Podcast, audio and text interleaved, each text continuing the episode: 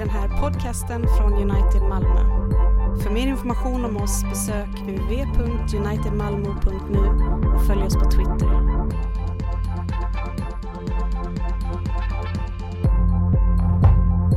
Vi lyssnar till den här söndagens gammaltestamentliga text från första Mosebok kapitel 32. Under natten steg Jakob upp, tog med sig sina båda hustrur och sina båda slavinnor och sina elva söner och gick över Jabbok vid vadstället. Han lät dem gå över floden och lät föra över allt som tillhörde honom. Jakob blev ensam kvar. Då brottades en man med honom tills dagen grydde. När han såg att han inte kunde besegra Jakob slog han till honom på höftbenet så att höften gick ur led när de brottades med varandra. Släpp mig, sa mannen. Dagen gryr. Men Jakob svarade, jag släpper dig inte förrän du välsignar mig. Han frågade honom, vad är ditt namn? Jakob, svarade han. Då sa han, ditt namn ska inte längre vara Jakob utan Israel, ty du har kämpat med Gud och människor och segrat. Jakob bad honom, låt mig få veta ditt namn. Han svarade, varför frågar du mig om mitt namn? Och han välsignade honom där. Jakob kallade platsen Penuel, ty, sa han, jag såg Gud ansikte mot ansikte och ändå skonade han mitt liv. När han lämnade Penuel såg han solen gå upp och han haltade på grund av sin skadade höft. Så lyder Herrens ord.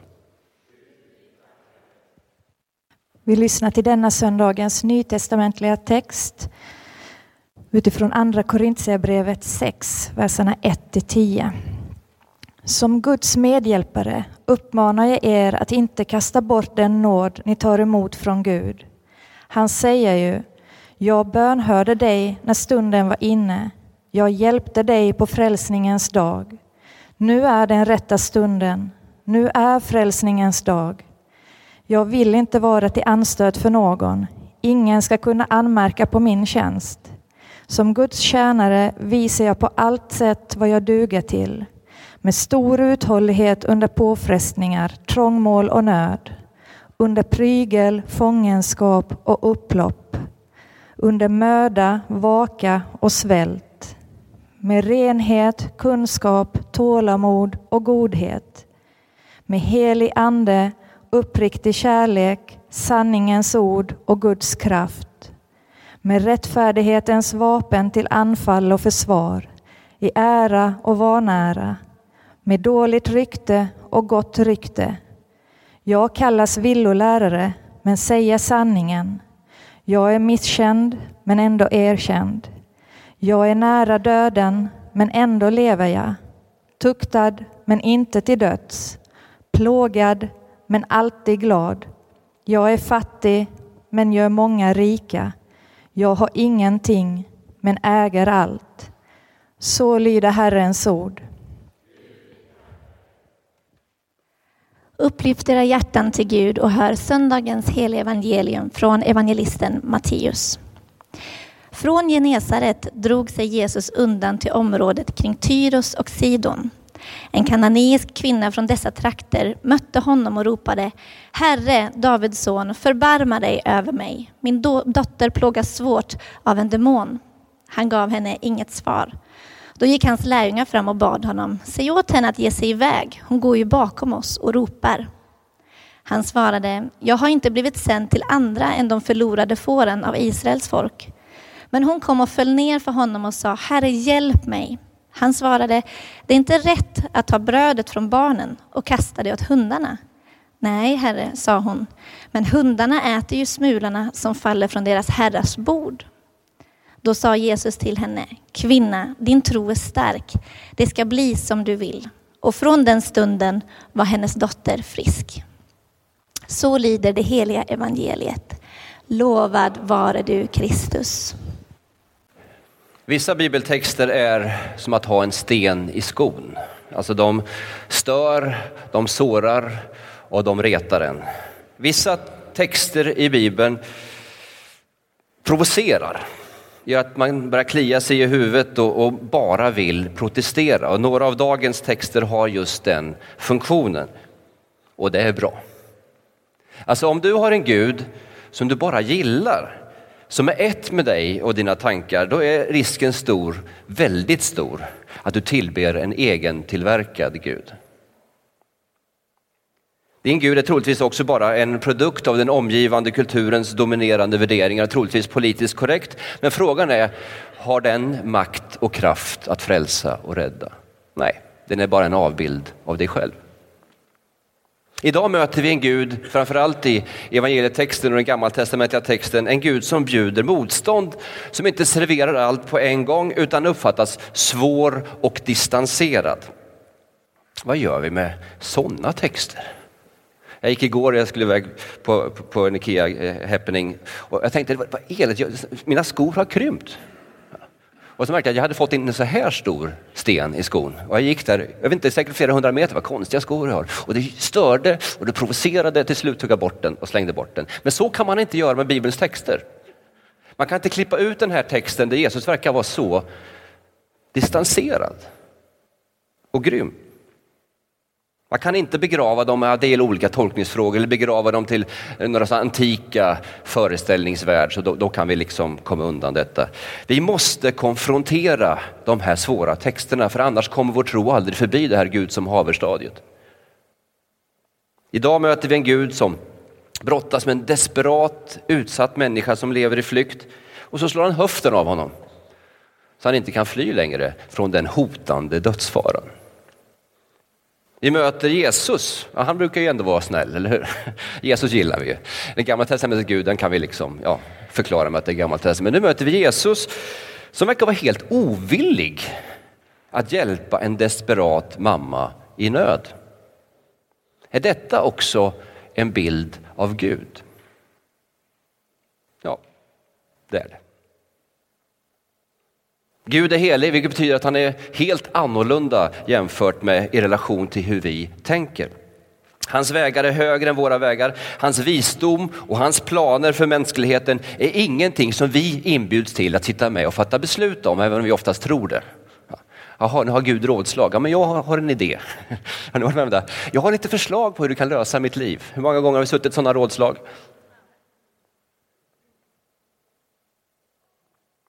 Det är därför vi tillber honom, inte som den snälle, fine guden som är, ungefär ser ut som jag, utan vi tillber honom som den allsmäktige, allgode, härskaren över himmel och jord. Och därför är utmaningen idag det är att förbli i de här svåra texterna. Och i ödmjukhet försöka ta in hela den bild av Gud som uppenbaras i hela skriften. Är ni med? Men vi vet ju grundläggande att Gud är god och kärleksfull. Hur kan han då bjuda oss motstånd? Bjuder ni motstånd mot era barn någon gång? Alla ni, nej, nej, de får allt vad de vill. Vi, vi är curlingföräldrar. Varför bjuder han oss motstånd? Jo, för att Gud är för oss även vid de tillfällen när han är emot oss. När Gud blir vår fiende är det inte för att han är ond utan just för att han är god. Tycker ni det är paradoxalt? Gud blir vår fiende inte för att han är ond utan för att han just är god. I dagens texter så möter vi i Gamla testamentliga och i evangelietexten två människor som kämpar med Gud på allvar. Och det intressanta är, om vi just sa att Gud är allhärskaren, den allsmäktige, Vet du, de här två enkla människorna, de vinner seger mot Gud. Och det är två helt olika livssituationer och två helt olika utgångspunkter. Men jag tror att vi kan, många här inne kan identifiera oss med Jakob och identifiera oss med mamman. Så jag ska tala om de två personerna. Jakob. Vår son heter ju också Jakob. Men egentligen är det konstigt att vi tog det namnet. Det är ju den, en av de mest osympatiska personerna i hela Bibeln. Men så vet vi hur han har blivit också. Alltså Bibelns Jakob. Ehm, varför tog vi Jakob? Ja, nåväl, vi tar det sen. Jag skriver det på, på internet sen om ni, ni, jag anar att ni är väldigt nyfikna på det. Alltså, Jakob är ju så, alltså det, det, det är den mest osympatiska personen. Hans livshistoria är full av lögner, bedrägerier, svek, manipulation, att spela ut människor mot varandra. Hans första fru beter han sig så fruktansvärt kärlekslöst emot. Och han håller på och manipulerar och bedrar från det att han föds. Så han har dock haft starka gudsupplevelser men han har liksom inte fäst någon vikt vid dem egentligen utan han skiter i dem. Han hoppas bara att det kan vara någon form av försäkran ifall allting går snett så kanske ändå Gud kan rädda honom. Men han har liksom ingen tanke på Gud och han lever inte med Gud. Han är helt enkelt en helt usel man som Gud älskar. Och det här som vi ser att det tänds någonting i våra egna ögon. Eller hur? Titta på din granne och säg, du är en usel människa. Nej, det behöver du inte göra. Men det här är ändå trots allt ett hoppets och tröstens budskap för oss. Varför handlar Gud med Jakob? Det är ju inte på grund av hans moraliska karaktär eller goda gärningar eller någonting. Utan helt enkelt utifrån sin nåd och utifrån sin kärlek. Vad betyder nåd? Nåd betyder att vi inte får det som vi verkligen förtjänar. Men också, och det är mer provocerande, nåd betyder att vi får det som vi absolut inte förtjänar. Något som stör mig ibland det är, det är när man vet att någon kriminell har begått ett brott och polisen vet att det är Robban, vi tar dig alltid, som har gjort det här. Men bevisen håller inte i rätten. Men alla vet, det var han som mördade. Han borde fått ett straff. Men vet du vad som händer oftast då? Ja, men då har han suttit häktad i tre månader. Då får han pengar som kompensation. Tycker inte ni det är provocerande? Lite, Andreas. Lite. Jag, jag blir galen varenda gång. Men lite av samma grej är det för oss. Nåd innebär att vi inte får det vi förtjänar och att vi får det som vi absolut inte förtjänar. Nu ler ni lite, jag tänkte ett, ett halleluja eftersom vi är lite pingstvänner ändå, så borde jag sagt det där. Så Gud handlar med Jakob. Men varför brottas Gud med Jakob mitt i natten? Jo, för att föra honom till den punkt då allt ställs på sin spets. Alltså hela sitt liv, och här tror jag vi känner igen oss, har Jakob prioriterat och enbart värderat sig själv före allting annat. Så är hans strategi även nu. Ni som inte kan den bibliska historien så är det så att Jakob har en tvillingbror som heter Esau. Och Jakob har lurat Esau på de mest grundläggande rättigheterna som han anser att han förtjänade. Så Esau är hatisk och har sagt att han ska slå ihjäl sin tvillingbror. Och det är därför Jakob har under många år nu befunnit sig på flykt. Men nu har Jakob bestämt sig för att han måste fly från sin eh, släkting eller frus pappa. Så han flyr hela tiden. Så nu är han på väg hem. Och så får han höra ett bud att Esau som hatar honom är på väg med en överlägsen armé. Vad gör Jakob då? Jo, då börjar han skicka fram förtrupper. Först skickar han iväg massor med tjänare och massor med får och massor med kossor och alltihopa. Sen skickar han sina fruar också och sina barn. För han tänker, ifall Esau anfaller så slår han ju sig trött i början så kanske jag kommer undan. Schysst kille, eller hur? Så ska vi också göra. Om jag blir attackerad så först fram med Daniel och Jakob, våra söner, och sen så Ragnhild. Och så kanske liksom jag kommer undan.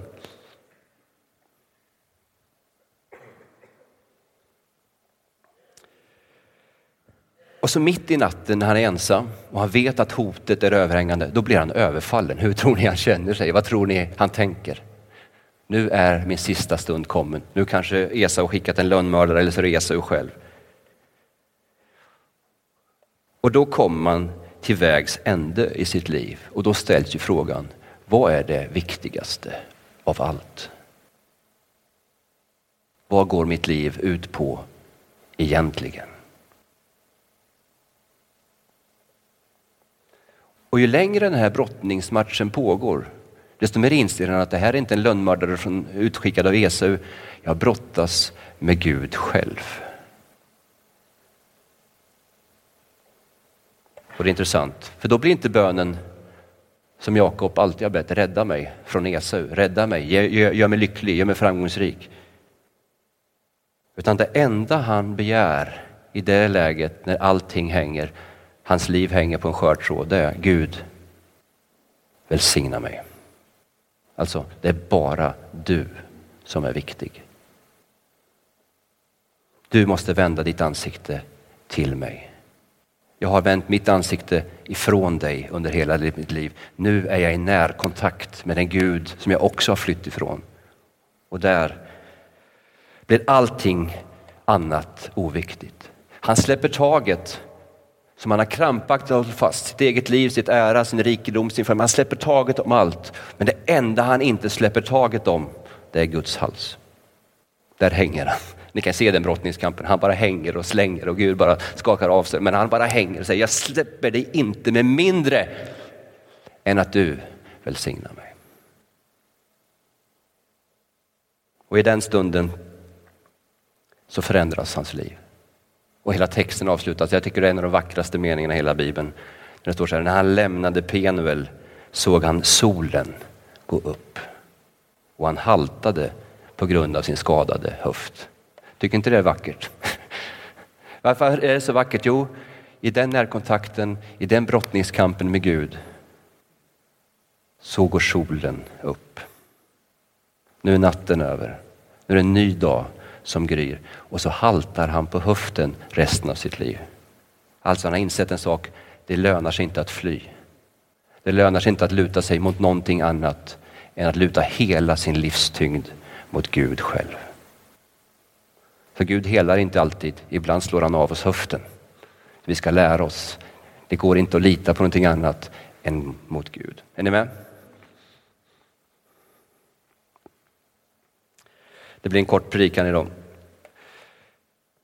Den andra personen, det är den kananeiska kvinnan. Peter Halldorf skriver så här i sin bok Som bränder en eld. När Gud ter sig annorlunda än vi tidigare tänkt honom, när han svarar motsägelsefullt eller inte svarar alls, sätts tron på prov. Och tron måste sättas på prov. Varför? För att det som är äkta i vår tro skall avtäckas. För att agnarna ska sållas från vetet. För att vi ska vinna en tro som är oberoende av de yttre konjunkturerna. I vår tid så söker vi ju omedelbar tillfredsställelse. Allt ska ske nu. Hur många av oss får inte ångest i Skånetrafiken när wifi inte fungerar? Eller hur? Eh, långsamt, i Citytunneln, precis när man ska läsa något spännande från OS. Eller det vill man inte läsa, ja, väl. Men vi vill ha allt nu. Kvinnan vill ha allt nu. Och Jesus svarar henne inte. Är det vår erfarenhet? Alltså det är inte så att vi får ett annat svar. Jesus säger så här, okej okay, du vill ha det där men jag har erbjudit det här istället. Problemet är att han inte säger någonting alls. Och det kan pågå i månader. Det kan pågå i år.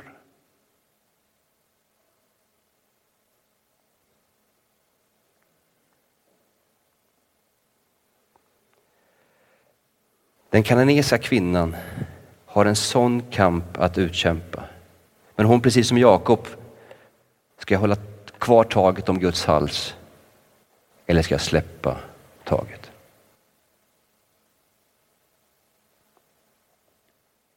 Kvinnan ger sig inte när Jesus är tyst. Kvinnan ger sig inte när hon får ett svar som upplevs som kränkande. Alltså den här bilden av Jesus är ju ändå lite störande, eller hur? Jesus säger när hon hjälp mig. Det är inte rätt att ta brödet från barnen och ge till hundarna.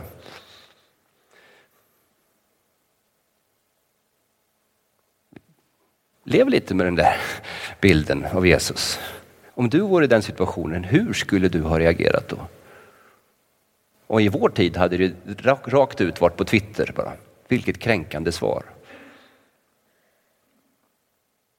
Nu använder han ju ord, det finns två ord för hundar. De här strykhundarna som springer lösta på gatan och sen så hundarna som man har i familjen.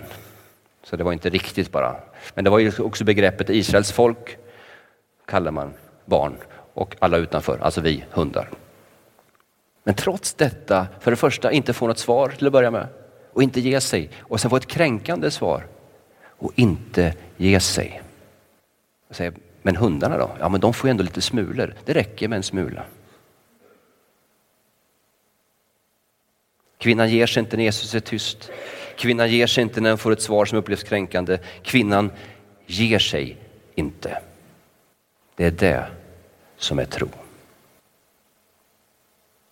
För att avsluta. Något händer när människan vägrar släppa taget om Gud.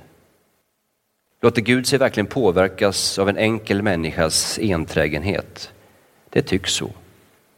När vår bön inte bara rör sig på ytan, bland det passande och tillrättalagda, men stiger ur vårt djup som ett rop från vår brottning, vår brist, vårt mörker och vår nöd, då är undret nära.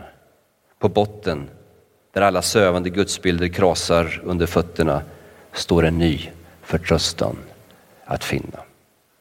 Ära vare Fadern och Sonen och den helige Ande, nu och alltid och i evigheters evighet. Amen.